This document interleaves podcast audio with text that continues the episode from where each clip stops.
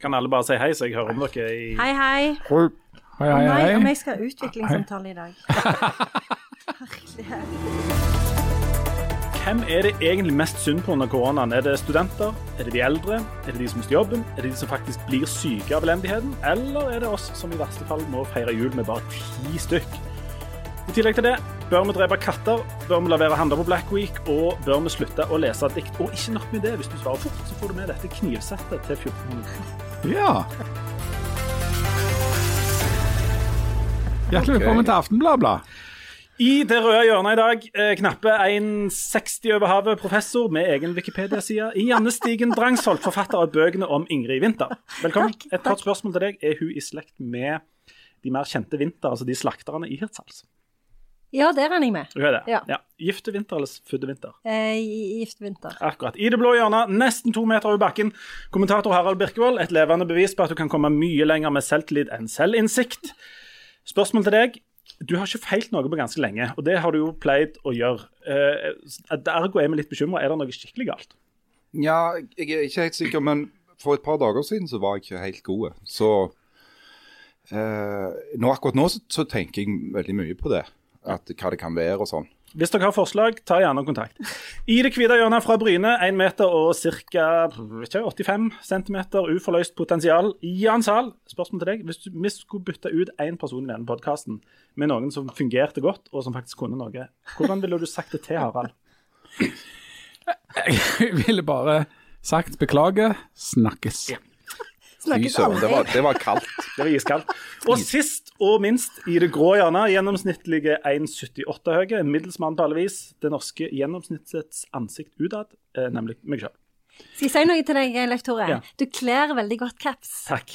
Eh, Det var veldig fint. Det er veldig gjennomsnittlig å kle caps. Jeg har også et spørsmål til meg sjøl. Stemmer det at eh, den andre arbeidsdagen du hadde, altså jeg, i Aftenblad, så kom det en rutinerte kollega bort og sa ja ja, de ansetter jo all slags nå, så Stemmer det? svaret er ja. Svaret er ja. Det, det stemmer, det. Det var, det var mottagelsen um, jeg fikk. Um, Men det som, er, det som jeg jo hang meg opp i, i den lange tiraden av forskjellige ting du, som du nå sa. Du sa jo at jeg var ca. 1,85. Ja. Og det, det må jeg si at jeg setter pris på. For mitt sjølbilde er òg at jeg er 1,85. Jeg, jeg vil si altså for at, eh, Hvor mye er du i virkeligheten? Ja, men altså, det var det, når jeg målte meg eh, og fikk utvikla dette sjølbildet, så var jeg 1,84,5 eller 6. Det er jo så og og godt som mener jeg at 1,85. Det er så godt som 1,85. Sånn at jeg har hele tiden tenkt på meg selv som 1,85. Så er det sånn, jeg har noen sånne unger, og de driver jeg rituelt og måler hver gang de fyller år. Og så har vi sånn på, på siden av døra sånn greier der vi lager strek. For å vise at dere er et ekte hjem. For å vise at vi er et ekte hjem, sant? og de vokser jo til og alt det der Ja. greiene der. Og så, så har jeg liksom sagt ja, ja, før eller senere så blir dere 1,85 kanskje, noen av dere. Um, og så plutselig så fikk jeg det for meg, eller noe, jeg vet ikke hvem som fikk det for seg, men så målte jeg meg selv for at jeg skulle liksom lage den streken de skulle på en måte strebe etter. da. Så målte jeg hvor langt det var opp dit. 1,83. oi, oi, oi, Men det er fordi at du har krymt. Ja, er det det som har begynt? Ja, Men hvorfor krymper vi? for det at etter hvert som du driver bare og går rundt og lever, så blir ryggraden på en måte presset litt sammen. Hjelper det å strekke Du begynner, du begynner å segge. Ja, de, de sier det kan hjelpe å drive med yoga og sånne, sånne strekkeøvelser. Derfor du begynt med yoga. Stemmer det. stemmer det. Du har, du, for du, Harald, du er jo i, i altså Hvis vi måler for sjølbildet, så er vel du omtrent verdens høyeste mann.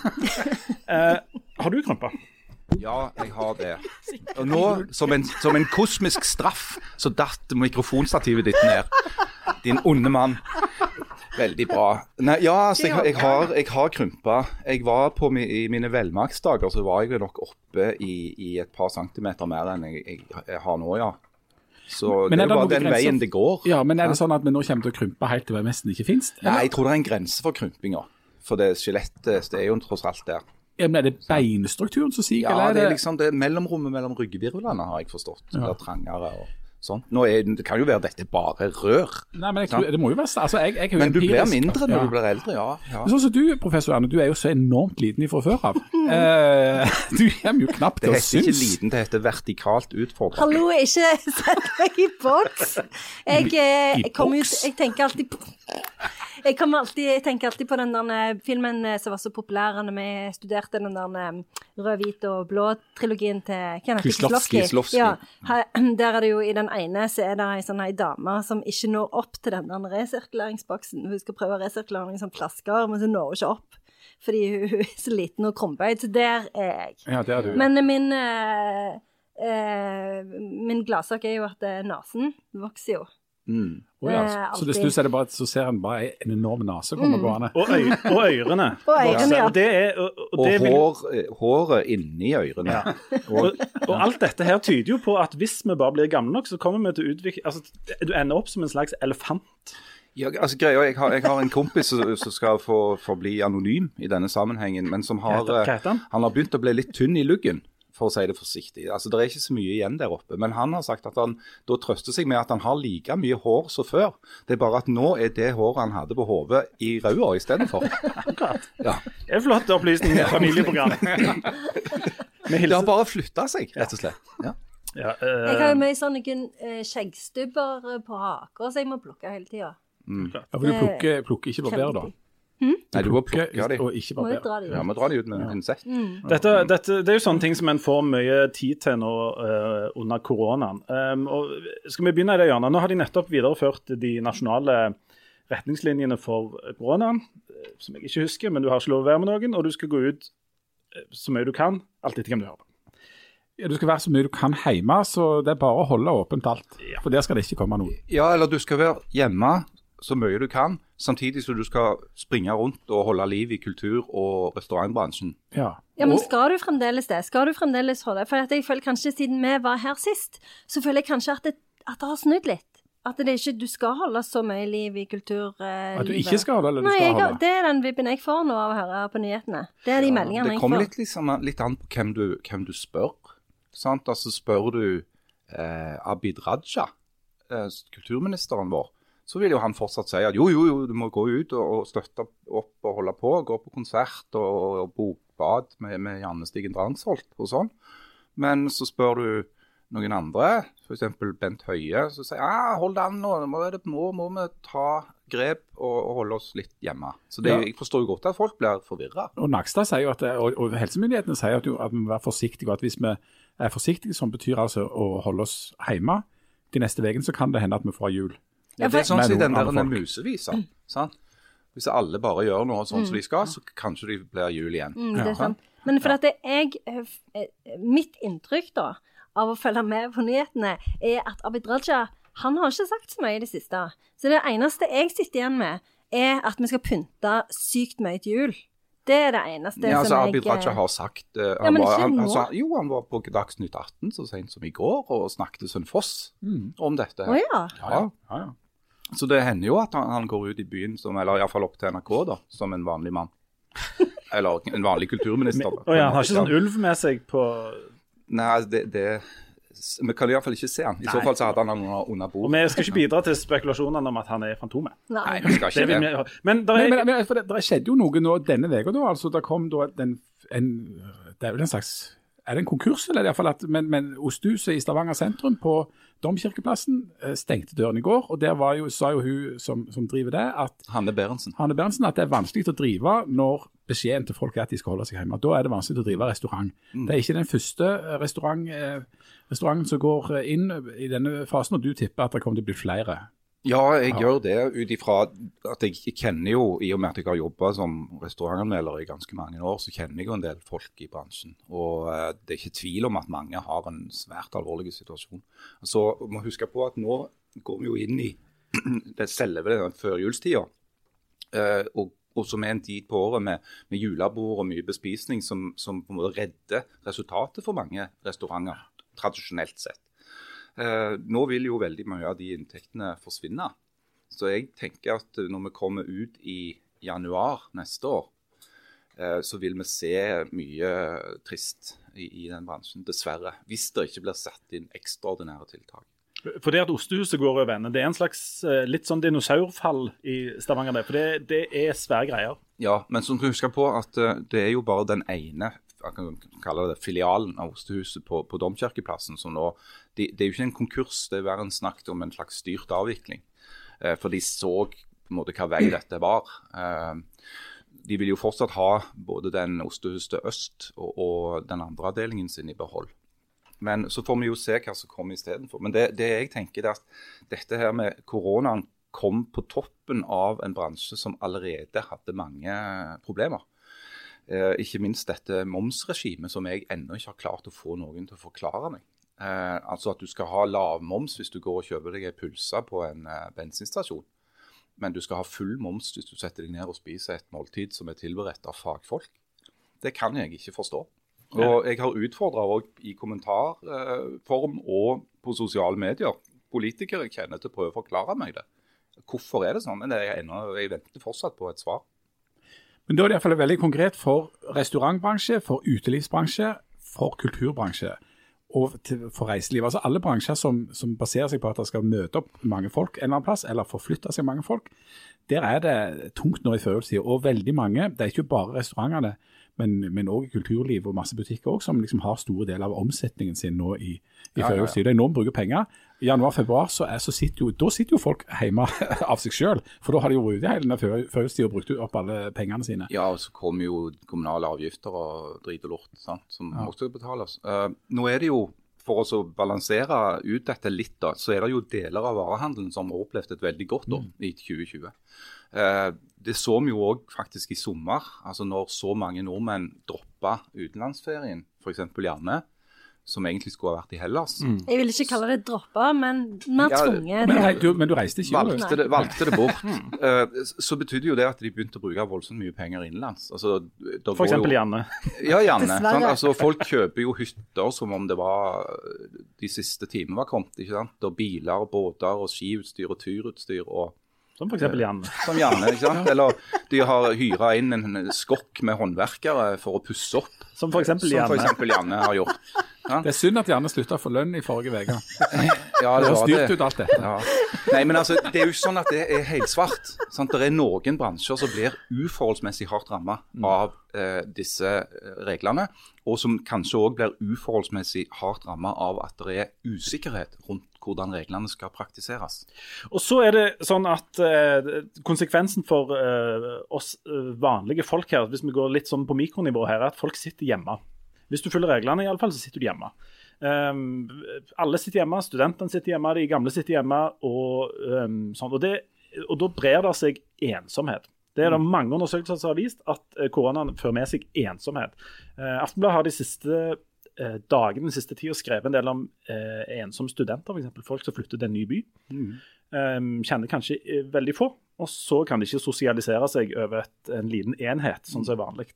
Uh, Janne, du holder deg jo med studenter. Um, tror du at dette er et, er et, stort problem og kommer til å bli et stort problem når, sånn inn i de neste månedene? Ja, det tror jeg. Og det er jo uh Sånn som jeg har sagt før, så er det jo på Universitetet i Stavanger så har vi jo opplevd at det er mange flere studenter som tar fag hos oss eh, fordi at de ikke flytter vekk.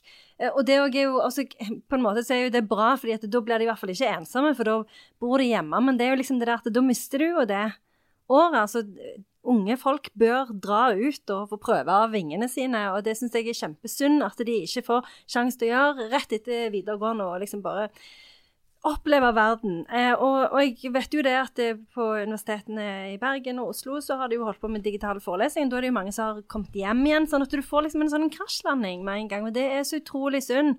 Eh, og nå hørte jeg jo eh, at eh, en sånn en utenlandstur som vi pleier å tilby på engelsk, kommer jo til å bli digital eh, til neste år. At det blir en sånn en, en digital utenlandstur? Ja. Og da bare kjente jeg Da vil jeg ikke mer. Det er det dummeste jeg har hørt. Ja. Det er helt forferdelig. Det ikke, eh, og det, jeg syns så synd på dem. Og, og, jeg tenker sjøl på, når jeg var student, hvor vanskelig jeg syns det var å bli kjent med folk, og hvor viktig det var å liksom bli dratt med på ting, og liksom bli oppmuntra til å være med på eh, jobbe som frivillig på Hulen, eller være med i studentradioen, eller hva det skulle være. Eh, og det går jo de glipp av. De, det er ingen som drar dem med. Eh, de begynte jo så smått med de der eh, de blir fadderukene og sånn som de fikk masse kjeft for å, å, prøve å få til. Og nå går det jo ikke an å få til noe. Jeg syns det er så sårt, og jeg syns så synd på dem. Altså, jeg er jo i veldig nær familie med en som først fikk eh, russetida fullstendig omkalfatra. Eh, og som jo da gikk rett over i eh, en såkalt studenttilværelse på Universitetet i Stavanger. Som innebærer at vedkommende sitter hjemme og har digital undervisning fullstendig uh, avsondra fra alt. Uh, og Der har jo også blitt gitt beskjed om at de bør overlate de få plassene som er på forelesningene til, til fysisk oppmøte, til de som er utenbys fra, som tross alt ikke har noe nettverk. Uh, men det er jo ikke noen studenttilværelse å snakke om. Det, det er jo fullstendig isolert tilværelse. Og, og, og, han som jeg er i nær familie med, jeg har jo tross alt folk rundt seg. Men tenk på de som sitter og kokkelurer på, på en eller annen studenthybel uten noe nettverk. Jeg syns òg forferdelig synd på dem. Men er dette de, de folka som nå blir delvis hevende under bussen her under koronaen? Ja, de gjør jo det. altså Etter, min, etter mitt ved så, så, blir dette Jeg kan ikke måle alt etter ditt ved. Det blir ei, ei ja, jeg vet jo, at, men, men, etter mitt beskjedne ved, så, så ja, er det sånn at jeg, jeg, tenker at dette her året 2020-2021, altså semester og, eller studentåret, det, det, kan du nesten bare krølle sammen og hive i papirkorg. altså. Ja, jeg er enig. Men så, skal vi måle, skal vi måle litt sånn uh, forferdelighet, da? Altså, det som er noe av dilemmaet, noe av det som er biringt med å være ung akkurat nå, da, det er jo at de blir satt til å ta et offer da, personlig, som de for en stor del gjør, ikke pga. seg selv, men for besteforeldrene eller for noen andre. Ja, folk i risikogruppen. For, folk i risikogruppen. For dette, disse unge folka de, de, eh, har stort sett, eh, hvis de får denne sykdommen, veldig milde symptom og dør i fint liten grad av det. Sånn at de blir bedt om å ofre noe av det ganske fælt for at noen andre skal altså på en måte overleve. Det er et sånn, sånn, etisk spørsmål i det. Så jeg forstår at det kan være vanskelig å motivere seg for eh, tidvis. da. Um, og så er det det at da er de alene, men så finnes det jo på en måte da, sånn digital undervisning. og sånt. Er det, men så er det, er det, verre for de som da går konkurs, eller som mister jobben, eller som mister millioner. De må jo gjøre et enormt sånn offer da, sant, likevel. Um, og, og, altså, det, det, blir veldig vanskelig å, å, å avgjøre ja, og kanskje òg litt, litt, altså litt, meningsløst å sette forskjellige ofre opp mot hverandre. Det, det, må være forferdelig å miste livsverket sitt eh, pga. noe som er helt utenfor din kontroll. Så det er åpenbart gale. Det må være forferdelig å bli rammet av denne sykdommen. Og Husk òg at en del av de som overlever, eh, sliter voldsomt med senvirkninger av det. Eh, og det må være forferdelig å bli sosialt isolert. Eh, jeg tenkte òg veldig mye i begynnelsen av pandemien, altså i, i mars-april, på f.eks. dette med hjemmeskole, som da var veldig aktuelt. Med unger som har kanskje mm. skolen som sitt eneste tilfluktssted fra en hjemmesituasjon som ikke er bra. Eh, det var sånne ting som kunne få det til, å få vondt i magen av. ikke sant? Så det å sette de forskjellige typene offer opp mot hverandre tror jeg er meningsløst. Men jeg syns at det er bra at det blir omtalt. Jeg syns det er bra at Aftenbladet valgte å, å bruke så mye plass på Eh, den problematikken som gjelder studenter. Vi er tross alt en studentby. Ja, det syns jeg òg. Og jeg syns, for jeg syns eh, det verste med den, denne lockdown-tida, det var dette med hjemmeskole og eh, at fritidsaktiviteter ikke eh, foregikk. Fordi at det, det var greit for, for, mine, men tenker sånn som du sier, Harald, på alle de som, som gjerne har det som sånn faste holdepunkt i livet sitt. Men det er jo veldig synd at studentene de har jo på en måte blitt kasta under bussen så veldig kjapt eh, hver gang. fordi at universitetene har jo stengt ned. Altså, nå har vi jo stengt ned igjen eh, og hatt digitale forelesninger. Mens eh, skolene, og det er jo kjempebra, de har jo klart å fortsette å, å holde på, selv om det er, de ikke kan ha gym og sånne ting. da. Men det illustrerer jo iallfall det at altså det, Norge har jo da samla sett kommet veldig egentlig godt gjennom den perioden så langt. Altså, enormt godt. Enormt godt, sant? Enormt lave dødstall, eh, ganske bra kontroll på smitten. Eh, sånn at Håndtering av selve sykdommen og selve smitten har gått veldig bra i dette landet, målt med de aller, aller fleste andre. Men det som blir tydeligere og tydeligere, det er at dette har store menneskelige og økonomiske konsekvenser for folk. Altså eh, Enten altså, ensomheten, eller det er livsverket, eller arbeidet, eller eh, framtidsutsikter som, som, blir spolert. Og, sånn. og, og det, det, tiltar jo jo lenger det, tid det går, altså. Mm. Men spørsmålet er, eh, og det er kanskje noe av det som frustrerer meg, den, i den debatten som oppstår Uh, hvor jeg har okay, stått for ett syn som, som, nok i ganske stor grad handler om at vi må rett og slett bare gjøre som vi får beskjed om. Uh, og så får jeg eh, kritikk, uh, kritikk som jeg til, til dels forstår, fra folk som sier at jo, men det er en viktig del av journalistikken det er å, å stille de spørsmålene. Det er jobben vår. Ja, det er det. Jeg innser det. Men samtidig så kan det bli litt sånn luftig teori. Eh, og jeg tenker at Noen ganger så, så, blir det satt opp en sånn motsetning mellom ok, skal vi ha eh, lavt smittetall og redde folk, eller skal vi ha høyt smittetall og redde økonomien. Men det er ikke så lett. Det er ikke så enkelt. Og det har jo også vist seg, når de har f.eks. sammenligna eh, Norge med Sverige og sånne ting, at den måten vi har gjort altså Det lønner seg til og med å redde folk. Nettopp. Og det er andre land òg som har helt ville smittetall, sånn som f.eks. Tsjekkia nå. Og Ungarn. Eh, Belgia har Belgia, eh, s- hvor du ser at det, det rammer begge deler. Både sykehusene kollapser, ikke sant? Eh, og i tillegg så får de en økonomisk kjempesmell pga. at folk rett og slett får panikk eh, pga. de høye eh, smittetallene og holder seg hjemme. Og du får situasjoner hvor de må stenge ned land, sånn som f.eks. Australia gjorde i lange tider. Det var, det var alt stengt. Altså, I Melbourne f.eks. I tre måneder, fire måneder, alt var stengt. Og Det som òg undersøkelser viser, er at eh, når, når ting blir stengt og folk må være hjemme da, og, og blir ensomme, så kan det ha like eh, sterke følger for helsa di som røyking eh, og overvekt, f.eks. Mm. Um, så det der med at folk er, blir ei sånn øy i verden, det er ikke eh, Vi skal ikke kimse av det heller. Det bør ikke foregå for lenge. Nei. Nei, for det er jo det at når, hvis det foregår for lenge, så skaper det jo en del sånn negative atferdsmønstre som Altså, de setter seg jo. Men er det ikke så- det vi håper på alle sammen? At uh, hvis vi nå bare klarer å stå i denne driten Alle er jo drittlei Mm. av dette her greiene nå. Men hvis vi klarer det en stund til, at vi kan komme ut i den andre enden, og så har vi liksom klart det. Vi har, vi har vært et, et av de landene som har fått det til. Det er vel det eneste vi kan håpe på, er det ikke det?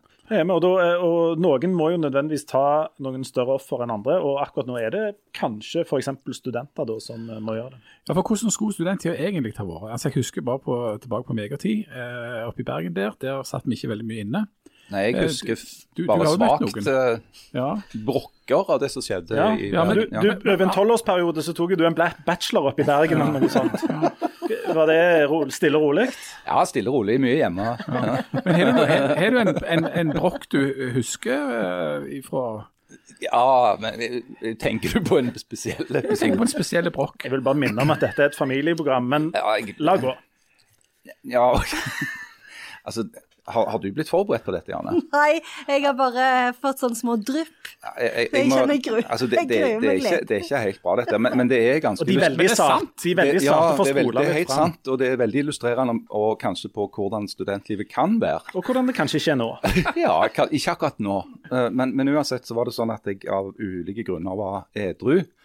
Eh, Det var vel flaggdag eh, senere den dagen. Ja, uh, sånn at jeg befant meg da i en mer en, en slags arbeidssituasjon på et serveringssted i Bergen, som vi skal la være unevnt nå.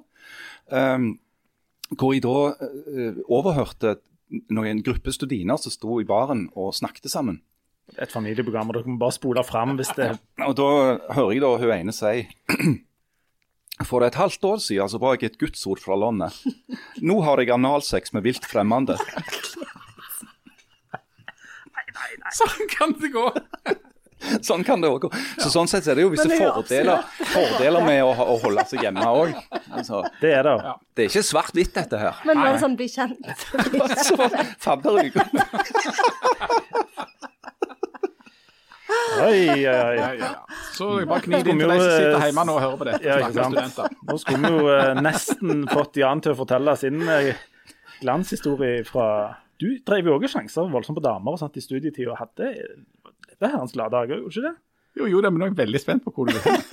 Nei, altså, igjen, det er, siden det er et familieprogram, dette, så skal vi gjerne ikke gå inn på det. Men Det, det er alltid du som sier at det er et familieprogram, men så er det du som liksom inviterer oss sant, inn Nei eh, Nei, nei, nei, nei, må du gi deg. Problemet mitt er at jeg har jo ingen sånne eh, røverhistorier å, å, å liksom dra sjøl, da. Men nei, vi skal la, la den Vi eh, kan spare den til Jan til en Ja, gang. Ja, det. Det handler om, eh, det handler om, eh, om eh, en slags omgang med det andre kjønn i nærheten av framtidige ordførere. Vi, vi, vi tar den eh, Vi sparer den. Den har jeg hørt. Den er veldig god. Den er veldig god. Ja. All right. Men vi får bare stå i dette koronagreiene så, eh, så lenge det varer. Og så eh, er det jo håp da med litt vaksiner og litt um, dilder. sånn. Men du, den tida dere vi har hjemme nå til overs Jeg mener jo at vi har tid til overs nå. Ja, jeg er enig. Får dere brukt den til noe fornuftig? Jeg bruker den stort sett til å sitte irritere meg over ting, eller hvile. Ja, jeg, jeg, jeg har jo òg en, en rik kapasitet til å irritere meg over ting. Men jeg, Og- hvil. Og hvil. Men det jeg òg har gjort, er at jeg har rett og slett bygd meg et verksted. Altså ute i, i, i, vegg i vegg med garasjen. eh, så har, var det en liten bod, og den har jeg utvida noe voldsomt. Og så har jeg investert i litt sånn elektroverktøy og forskjellig sånn. Sånn at av og til så går jeg ut der og avreagerer da med noe snekkervirksomhet, rett og slett. Dette er det jo lagd en, en svensk film om. Det er lagd opptil flere filmer om dette her. Ja, den der uh, til sammen, har du ikke sett den? Mm. Ok, Det er et familieprogram. Vi dropper, eh, dropper Janne, hva bruker du den ekstra tida eh, Eh, vi har jo håndverkere, Hvordan går det? som sagt. Ja, hvordan går det Det blir egentlig? veldig skittent inne. Så stort sett så enten så støvsuger jeg, eller så skifter jeg pose i støvsugeren, eller så vasker jeg. Eh, Mange, eller så- mange håndverkere gjør rent etter seg. men det- Ja, ikke disse. Nei, Eh, ok. det er litt forskjellige eh, folk eh, som gjør forskjellige ting. Så du går vi tilbake til 50-tallet? Ja, og så er det litt sånn, for jeg husker det var jo, eh, når vi hadde den der lockdown-perioden, så var det veldig mange som liksom var sånn, ja, og se, tok bilder av skuffene sine og sånn, og var sånn, se, nå har jeg fått vaska liksom kjøkkenskapene, og litt sånn så har liksom har gjort noen ordentlige ting. Men jeg klarte aldri å komme så langt at jeg fikk gjort rent i de. Og nå er det jo òg bare sånn overflate, sånn bare for å få vekk det verste. Så, så jeg føler liksom jeg, det, Alt er bare kaos i hodet og utfor og alt. Jeg føler at jeg har hatt litt flaks. Altså fordi at Jeg flytta inn i nytt hus akkurat ja, under denne, her, så da var det jo masse å gjøre. Sånn, nå, det som gjenstår nå, er f.eks. å alfabetisere bøkene i bokhyllene. Herlighet. Men Leif Tore, når du ikke hviler, da sa du at du satt og irriterte deg. Er det noe spesielt du irriterer deg over da? Ja, stort sett eh, Nei, det, er mye. Det ser ut som du tar på meg lista, nesten. Ja, ja. Nei, ja, jeg har irritert meg over, over forskjellige ting. F.eks. folk som eh, får så mye ut av den tida. Det irriterer meg voldsomt. Folk som bygger skur, eller folk som har verst bakside av kjøkkenbenken og sånne ting. Um, men ellers, nå har jeg hatt god tid til å irritere meg over sånn Black Week og Black Friday og sånn. Eh, det irriterer meg grenseløst. Det, det er sånn at Der irriterer jeg meg over alt. Altså, Jeg irriterer meg jevnt over. Men absolutt alle de, alle de tilbudene irriterer meg. Jeg har faktisk notert her. Alle de som maser om alle disse tilbudene irriterer meg, og de som plutselig blir veldig sånn mot kapitalismen. Sånn plutselig over natta sitter hjemme og lager sånn Karl Marx-figurer i trolldeig eh, og, og sier at vi ikke må handle noe, de irriterer meg. Og alle de som mener at de som lager disse trolldeigfigurene eh, gjør feil, de irriterer meg. Så irriterer det meg at, de, at det er noen som mener at de fattige skal bruke denne Black Week fordi at de har så lite penger at de må i hvert fall få handle på tilbud. Så irriterer det meg de, med de som er privilegerte, som mener at dette er veldig irriterende. Og så irriterer det meg grenseløst at jeg til slutt går inn og klikker på alle disse annonsene for all slags rape, slagstøvler eller, eller sånn eh, 18 meter borrelås eller sånn eh, eh, skinntøfler. At jeg skulle gå inn der og spare 400 kroner på noen skinntøfler. Jeg er jo ikke markedet for noen skinntøfler, men jeg klikker meg jo inn for å se hvor billig det var, og da ser jeg at jeg har, kunne jo da i teorien spart 400 kroner på et par skinntøfler som jeg ikke vil ha, som jeg heller ikke kjøper. Så irriterer det meg etterpå at jeg ikke har spart de 400 på å kjøpe noen sånn skinntøfler.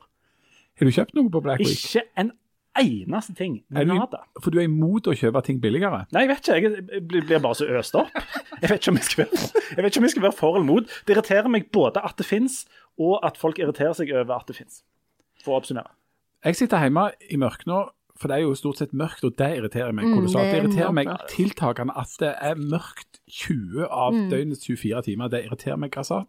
Så irriterer det meg at det har regna vannrett og loddrett i en måned nå. Og så. Og særlig meg hvis du ikke har tilkobla takrenner, så er det ganske irriterende. Da må du få fått til noen håndverkere. Ja. du, håndverker. ja, du, men da har du istedenfor ei sånn bøtte som du må i. tømme hele tida. Mm. Og så irriterer det meg at det er fremdeles en måned til sol og snur, som betyr at det er to måneder til at det er like mørkt som nå, og tre-fire måneder til det begynner å bli noe ting som helst lysere.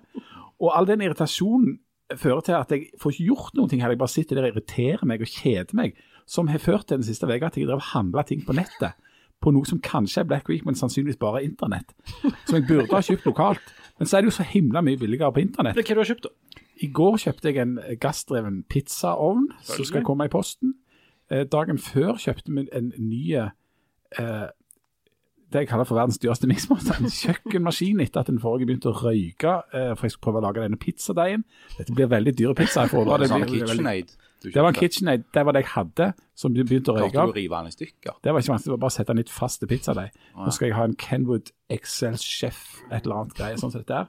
Sånn med varme i bollen? Nei, det tror jeg ikke. Jeg får finnes ikke jobbe det? det. Finnes det? Ja. Det er et lys i den. Den lyser ned i bollen på et eller annet Ja, slags vis. det er ganske bra, de. Så jeg har kjøpt eh, noe greier fra Amerika på Amazon.com. Og så er jeg enormt fascinert av det. Når du kjøper ting på nett, internett, så kommer det eh, liksom, mail fra eBay eller Amazon om at nå har han kommet til Kentucky, den greia di, eller nå er han sendt til New York, og nå er han der og der. Det er jo egentlig som en slags virtuell eller digital utenlandstur. Det er akkurat det. det. kan ikke sammenligne med det, altså, rett og slett. For Du får anledning til å besøke eksotiske steder som Kentucky og Illinois. ja, og sånn. Illinois og alt det der. Ja. Og så, irriterer meg, for da tenker jeg at når jeg har så mye tid, da kunne jeg ha sortert bildene da, som jeg har tatt det siste året, og lagd albumet og, og printa ut alt det der. Og i går så kom det en kolossal melankoli over meg i de ti minutter jeg orkte det, for da kom det opp bilder fra vår siste utenlandsreise som var til Italia i januar. Slutten av januar, da begynte en sykdom å gå i Nord-Italia. Men eh, det var Da bare kjente jeg et stikk av at ah, Men det det her, det er ikke sånn eh, koronafatigue, dette her, er det ikke det? Jo, Altså, det er At du er så lei at du ikke orker. Og det går ut over hva Altså, i går eh, burde jeg ikke si dette høyt, men i går burde jeg ikke fått betaling av jobben min. Jeg fikk ikke gjort noen verdens ting, for det lille jeg hadde planlagt, det skar seg totalt. Du hadde jeg tenkt å gjøre noe, Jan, og det holder lenge. Ja, ja, men Du hadde de beste jeg hadde de beste jeg hadde gjort. Jeg, jeg hadde gjort så godt jeg kunne, og alt ble mislykka. Eh, og, så- og så er det sånn at framover mot jul, da merker jeg da pleier, jeg, da pleier på en måte mitt batteri å bli noe utlada. Jeg er på liksom sålelære. Og når du i tillegg jeg må sitte inne i mørket i reggene med åpne kanaler på internettet og handle ting, og ikke få til noe Nei. Du hører, det høres ut som du er i ferd med å bli en sånn type som TV Norge lager dokumentar om. Du og et par-tre andre sånne. Jeg, eh, hvis det var sånn at vi nå skulle ha en folk om hva som irriterer oss, Ja. eh, så har jeg tenkt litt på det. For du nevnte det i går, tror jeg, at det, kanskje vi skulle gjøre det. Og, så Generelt sett så irriterer jo meg enormt over folk. At de fins. At de fins, ja, og at de har lov å, å, å snakke og skrive. For det, mange av de burde ikke gjort det. Men, men sånn er det. Vi må akseptere det. Vi lever i et uh, liberalt demokrati med Dessverre. ytringsfrihet, der folk må få lov å demonstrere for all verden hvor tåpelige de er. Så sånn er det. Dette må jeg godta. Eh, men det er noe som koster meg litt hver dag. Eh, men når det gjelder altså, mer sånn konkret, det som irriterer meg akkurat nå, det er Og det er kanskje en overgang til noe annet som vi skal snakke litt om. Eh, katter.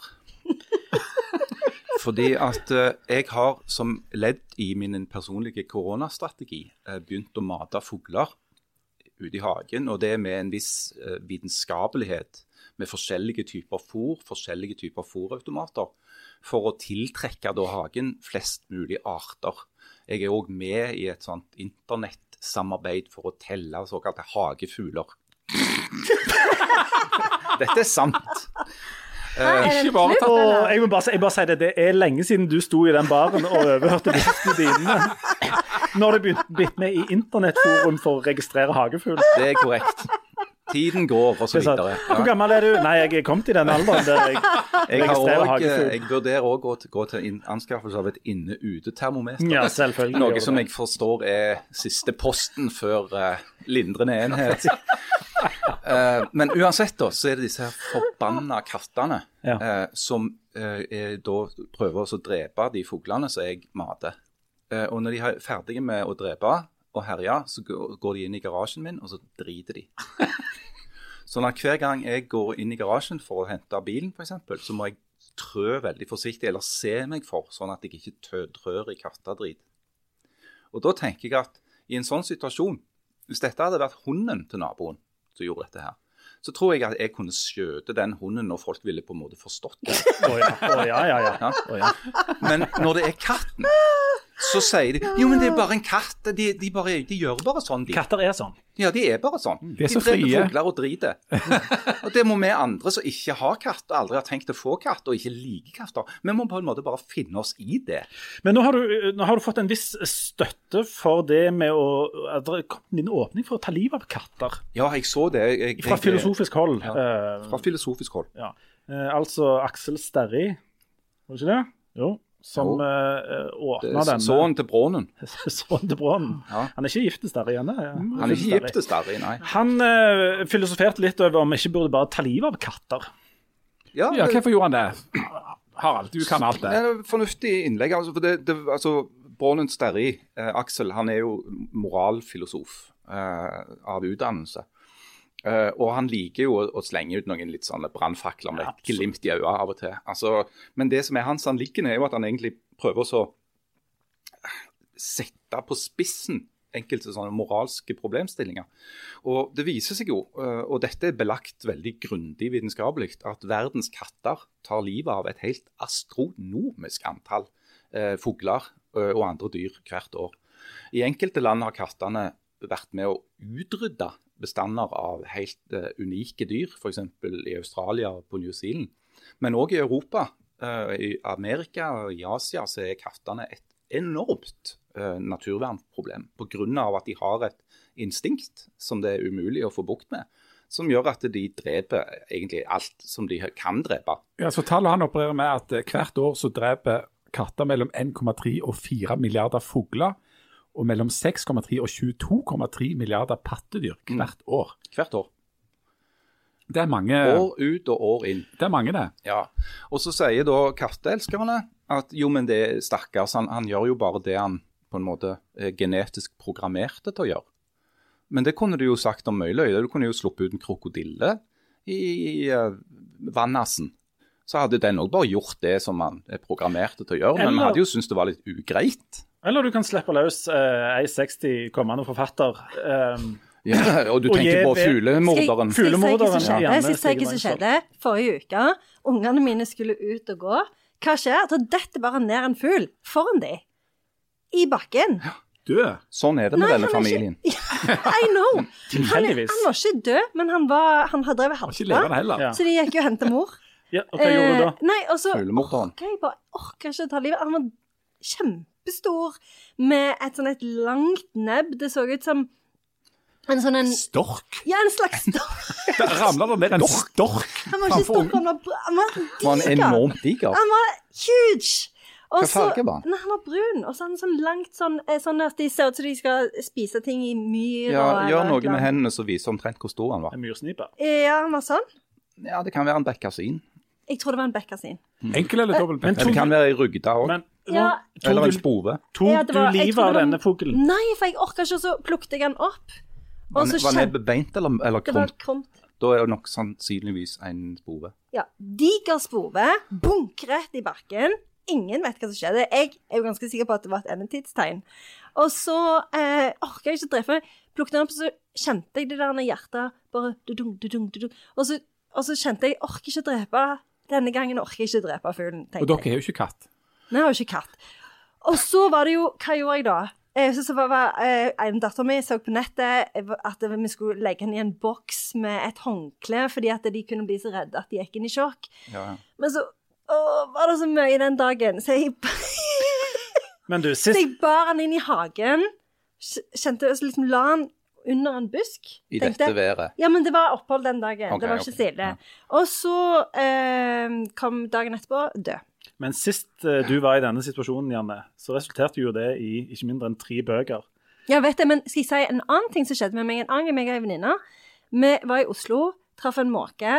Eh, måken var skada. Ringte til Måkehjelpen. De sa hvis dere kommer med han, så kan vi hjelpe han. Og så hadde ikke vi tid, for vi hadde lyst til å gå til byen, for det var mye vi skulle gjøre den dagen. Så det vi gjorde, vi stoppet noen menn. Og så sa kan dere For, for vi fanget han i et sånt teppe. Og så sa vi til de mennene kan dere please eh, kjøre denne måken til Måkehjelpen her adressen. De sa ja, og siden så så vi aldri den måken igjen. Jeg føler det er altfor mange Jeg tror ikke at de mennene kjørte Nei, jeg til tror heller ikke det. Jeg tror heller ikke det. Men vi valgte Men hvis du har lyst til å tro det, så ja, vi ja. valgte å holde på den historien at de Men jeg, så jeg føler det er veldig mange fuglehistorier Rundt deg. rundt Jeg har- jeg har- Rundt deg. ganske- Men jeg, jeg føler Ja. du er det menneskelige svaret på katter. Altså, når du er kommer inn her, jeg nå tror. dør jo alle Det er nettopp det. Jeg klarer ikke å redde en eneste fugl, så jeg, jeg føler litt eh, at jeg er eh, At det egentlig er en fortelling om meg. Er det eh, moralsk forkastelig å skyte Janne? Er det det Ja, eller gi i meg en ytterste halv konsekvens? Eh, Bare, bare glem det om den Paraceten. Eh, Vi vil ikke gå ned den veien. Nei. Men, men altså Men altså, Brån, men han, Sterri Brun, eller Brun Sterri sitt poeng, da, er det, er det noe en skal ta på alvor? da? Altså, forskjellen på, Det det jo da 770 000 katter i Norge. Ja. Eh, de finnes jo ikke her fordi at de var her naturlig, men de ble brakt til landet på et eller annet tidspunkt. Men det har jo skjedd med mange både dyr og planter. De var gode å ha, vet du, fordi de tok og holdt rotter og mus vekke. Nettopp det. Så de var jo nyttedyr på et eller annet Ja, tidspunkt. Hadde en funksjon. Ja. Ja. Eh, nå er de jo ikke det lenger uh, i så stor grad, for det finnes andre måter å kvitte seg med rotter og mus på. Eh, det som Sterri sier, det er at hvis du skal være et moralsk menneske og ha katt, så bør du ha han inne. Eh, sånn at han ikke går ut og kverker alt han får øye på. For det gjør de jo. Eh, it's how they roll. Ja, altså, Så altså, liksom, en, en ja. forskjell på å ha katt og hund. Eh, naboene våre de har katter, vi har hund. Ja. En forskjell der er jo at eh, vi har jo i utgangspunktet den hunden i bånd. Ja. En kan ikke ha Tenk hvis du i hadde bånd. hatt en hund, og så bare slapp du han ut, og så gikk han og dreit hos naboen. Og så når naboen kom og sa at du, hunden din har drevet i hagen min, så sier du "Eh, han er, det er ditt problem. That's what dogs do. Ja, det, det- det hadde ikke gått. Men, men katteeiere de har på en eller annen grunn fått en slags amnesti fra eh, alminnelig folkeskikk, som jeg ikke liker. Det irriterer meg enormt. Men samtidig så er jo det For eh, han, eh, Jonathan Fransen han har jo engasjert seg ganske mye eh, intenst i dette Ja. spørsmålet. Han hater jo katter, og han mener jo at eh, en Fin bør ja, kvitte seg med ganske mange For han mener at det er altfor mange folk som har katter, da. Altfor mange. Men sånn som i USA, for eksempel, der er det jo eh, litt den samme holdningen til hunder. For der er det jo sånn eh, Jeg husker vi var på sånn forskningsopphold i USA hvor det var en ganske sånn fin sti langs et vann, og der var det en del hundeeiere eh, som, som gikk. Og, de, og da og var det sånn at de så det på sin, som sin rett å gå eh, og bare la hundene springe. Selv om du liksom gikk med små barn og sånn, det var liksom ditt problem. Så det er jo litt den der, eh, den der eh, eh, Det forholdet som folk har fått til kjæledyrene sine. Som, som, her i Norge så er det jo mest med katter, men i mange land så er det jo litt sånn lignende som en, en har eh, til hunder. Og en kan jo argumentere for at det er for mange folk som har hunder òg, Ja, det at det kan en gjelder fint. kjæledyr I alle fall folk som ikke har kontroll på dem. Men jeg tror nok en, altså hovedgrunnen til at det er en sånn forskjellsbehandling på hunder og katter, er jo selvfølgelig at hunder potensielt, iallfall store hunder, potensielt kan skade folk. Katter er for små til det. Mm. Men gudene skal vite at hvis de var store nok, så hadde det, hadde det vært livsfarlig å Hvis- være rundt en katt. Men hvis de hadde hvis det-. Mm. Hvis de er store nok, så heter de jo løve eller tiger eller noe Ja, sånt. ja, og det er jo egentlig samme dyret. Ja. Så Men- det, det er jo galskap å ha det gående er- løs, egentlig. Men er det ikke litt merkelig å kritisere dyr for at de av og til oppfører seg som dyr? Jeg kritiserer ikke dyr, jeg kritiserer eierne. Men forventningen til, til dyr, altså kunne vi forvente noe annet enn at katter skal gå rundt og drepe all slags ting? For det er jo det de holder Nei, på med. nei, men kanskje Ja. det. Og Derfor så må vi ha det under kontroll. Og jeg, jeg- men jeg så en, en liten sånn videosnutt så, ute på, på, så gikk sin seiersgang på sosiale medier, der en eh, liten krokodille hadde klart å skaffe helt på egen hånd skaffe seg noe godt å ete og, og spist litt. Og, og det ble jo stilt helt på hodet, for der hoppet det ut en kar i vannet og, og kakka denne krokodillen i skallen, og, og drog ut den valpen som, Ja. som krokodillen hadde fått. Det mest imponerende med hele videoen det var at han mens dette foregikk, holdt på en rykende sigar som han ikke slapp. Men er det, men er det, helt, eh, er det helt feil å holde med, og synes, holde med krokodillen? Må vi holde med den valpen? Nei. Dere, hadde, dere, driver jo, dere har jo drevet med hund. jeg var en, en kort periode bodde jeg litt i, i Miami. Eller vil si utkanten av Miami, helt på grensen til denne her Everglades nasjonalpark. Der de hadde bygd eh, masse sånne fæle nye hus som de gjør på egentlig verna område. Sånn, Miami er gjennomkorrupt. Uh, og der, der hadde det flytta inn da en, en uh, alligator i den der dammen. I et av de husene. Nei, ikke et hus. Det hadde vært kult. Men han hadde flytta inn i en sånn dam med et springvann som de hadde lagd for et sånn fellesområde for disse her eh, villaene. da. Så, og Der hadde de jo masse fugler boende som de hadde satt ut, da, ikke sant, som skulle være fine og dekorative å se på. Så ble det færre og færre fugler, og ingen skjønte hvor de ble av. Større og større krokodiller. Nei, altså De visste jo ikke at han var der, den sleipingen. Men så ble det eh, Han ble kåt, denne her. Eh, det var en gutt, en alligatormann, dette her. Sånn at en bestemte tid på året, rundt mars, så får de det over seg at de skulle gjerne ha lagd litt flere alligatorer.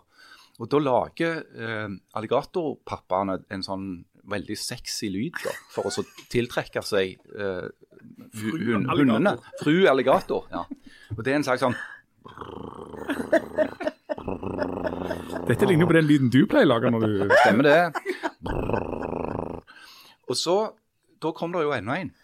En, en damealligator. Å ja, et gudsord fra landet. Så. Ja, et gudsord fra landet som kom dukket opp. Men ikke bare det. En annen um, guttealligator kom òg. Sånn at det ble uh, oh, ja, så de det ble, eh, Ja, det ble et trekantdrama. Oh. Det kalles for en menage de trois. Menage à trois i Drammen. Dammen, ikke i Drammen, men i Drammen. Og dette fikk, hadde jo jeg orkesterplass til. For det at jeg satt ute på en sånn patio da, og skrev.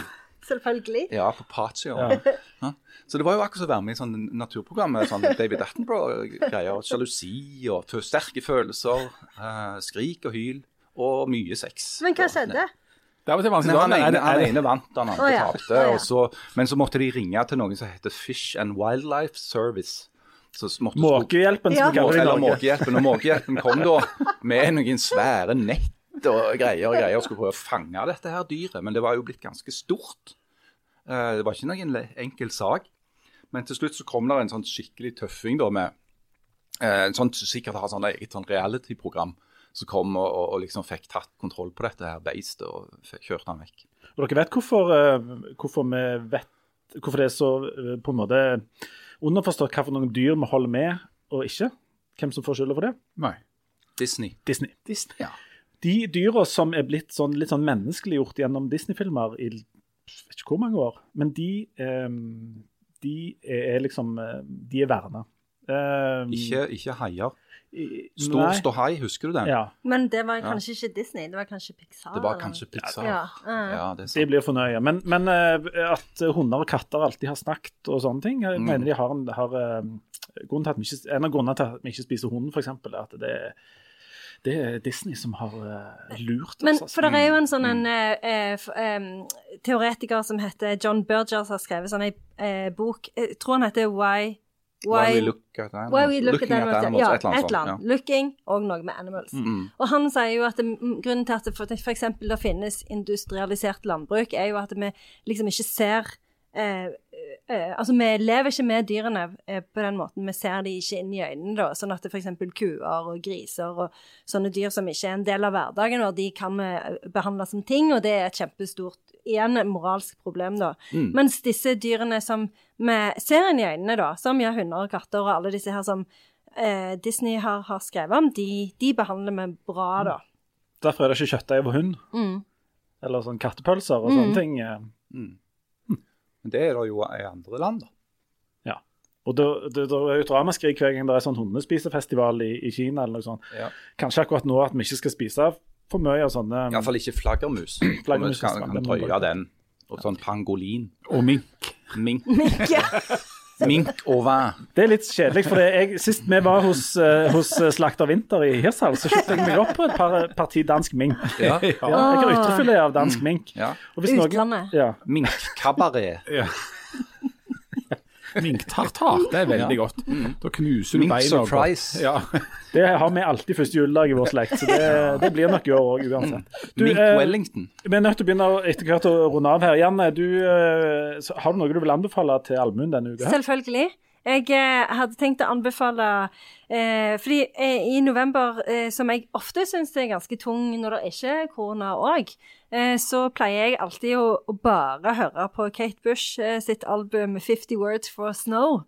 Eh, og det handler jo eh, mye om eh, forgjengelighet og mørke og snøfnugg som daler ned fra himmelen og prøver å finne en spesiell person som det kan lande på snømenn som smelter og all slags sånne ting. Veldig fin. Eh, det er jo en eh, eh, av sangene hvor Stephen Fry tar og fremfører 50 words for snow.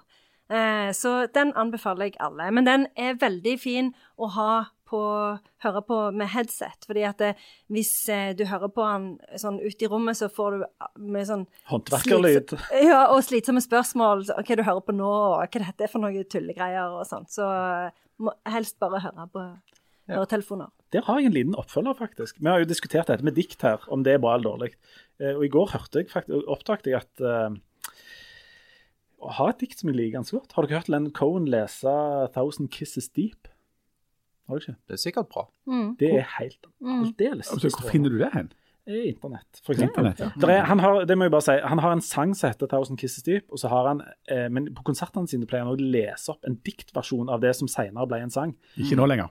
Eh, nei, han har jo for så vidt slutta med det. Om Men du har begynt å høre på dikt etter at vi begynte med dikt i podkasten? nei, jeg har ikke det. Og jeg har, jeg har Jeg jeg har et det. veldig ambivalent forhold til dette. Og det, det irriterer meg litt at to av de tilbakemeldingene jeg har fått fra sist gang Den ene går på at de syns det er- var stas at vi leste dikt. Den andre den handler om at det var stas at vi leste dikt. Og Jan, dette gikk ikke den veien vi trodde. Nei, men hvorfor er det aldri noen som spør meg om jeg har en anbefaling? Ja, Jeg må alltid si det sjøl. Det er jo Janne som anbefaler ting i denne vet Nei. Jeg har aldri anbefalt en drit. Nei, nei, men du, Du er anbefaler du er alltid noe. Jeg anbefaler Du alltid noe, men, men hver gang så må, jeg, så må jeg liksom be om jeg kan få lov å anbefale noe.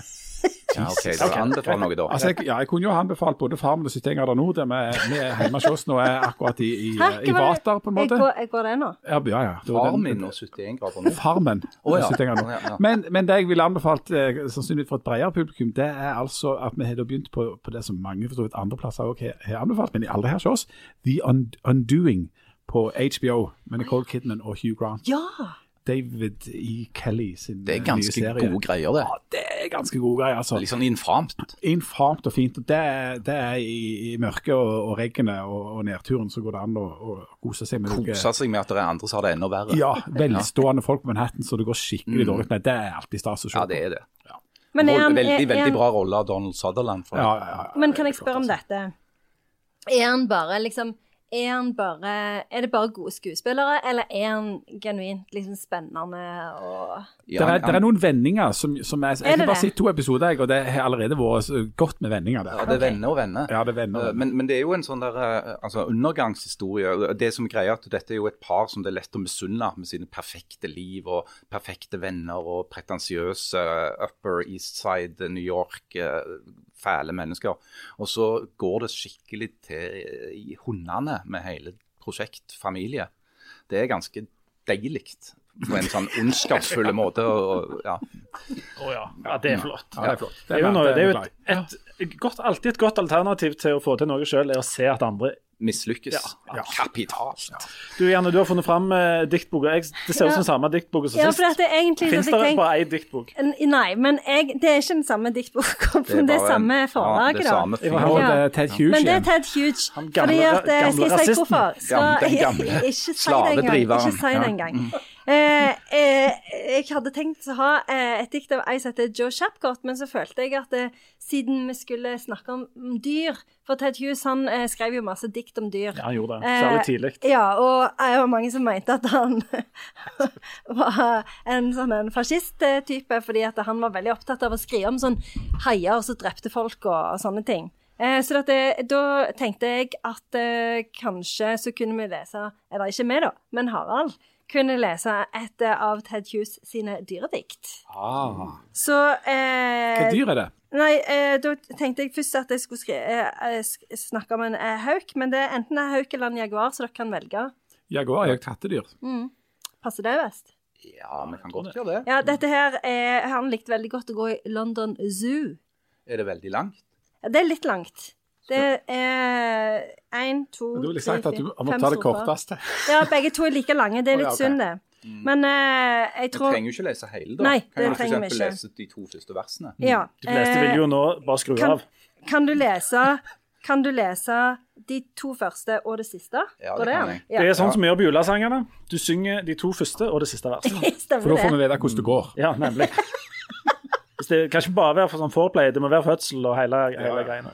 Er, okay. dere, er dere klar? Da sier vi takk for uh, denne uka her, og så uh, les uh, Ja, du får introdusere det sjøl, uh, Snakkes med neste uke. Ja, dette er da diktet som heter The Jaguar. Originalt. Ikke sant? The apes yawn and adore their fleece in the sun. The parrots skreek as if they were on fire, or strut like cheap tarts to attract the stroller with a nut. Fatigue with indolence, tiger and lion. Lie still as the sun. The boa constrictor's coil is a fossil. Cage after cage seems empty or stinks of sleepers from the breathing straw. It must might be painted on a nursery wall. More than to the visionary, his cell, his stride is wilderness of freedom. The world ro rolls under the long thrust of his heel. Over the cage floor, the horizons come.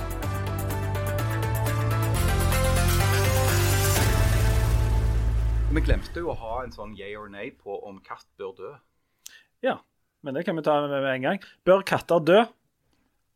Ja. Jeg, jeg, kan ikke, jeg kan ikke snakke om det. Til slutt skal alle dø. Hva er det heter på latin? Memento Memento mori. mori. Katt. Og Mori kan ikke komme fort nok for katter.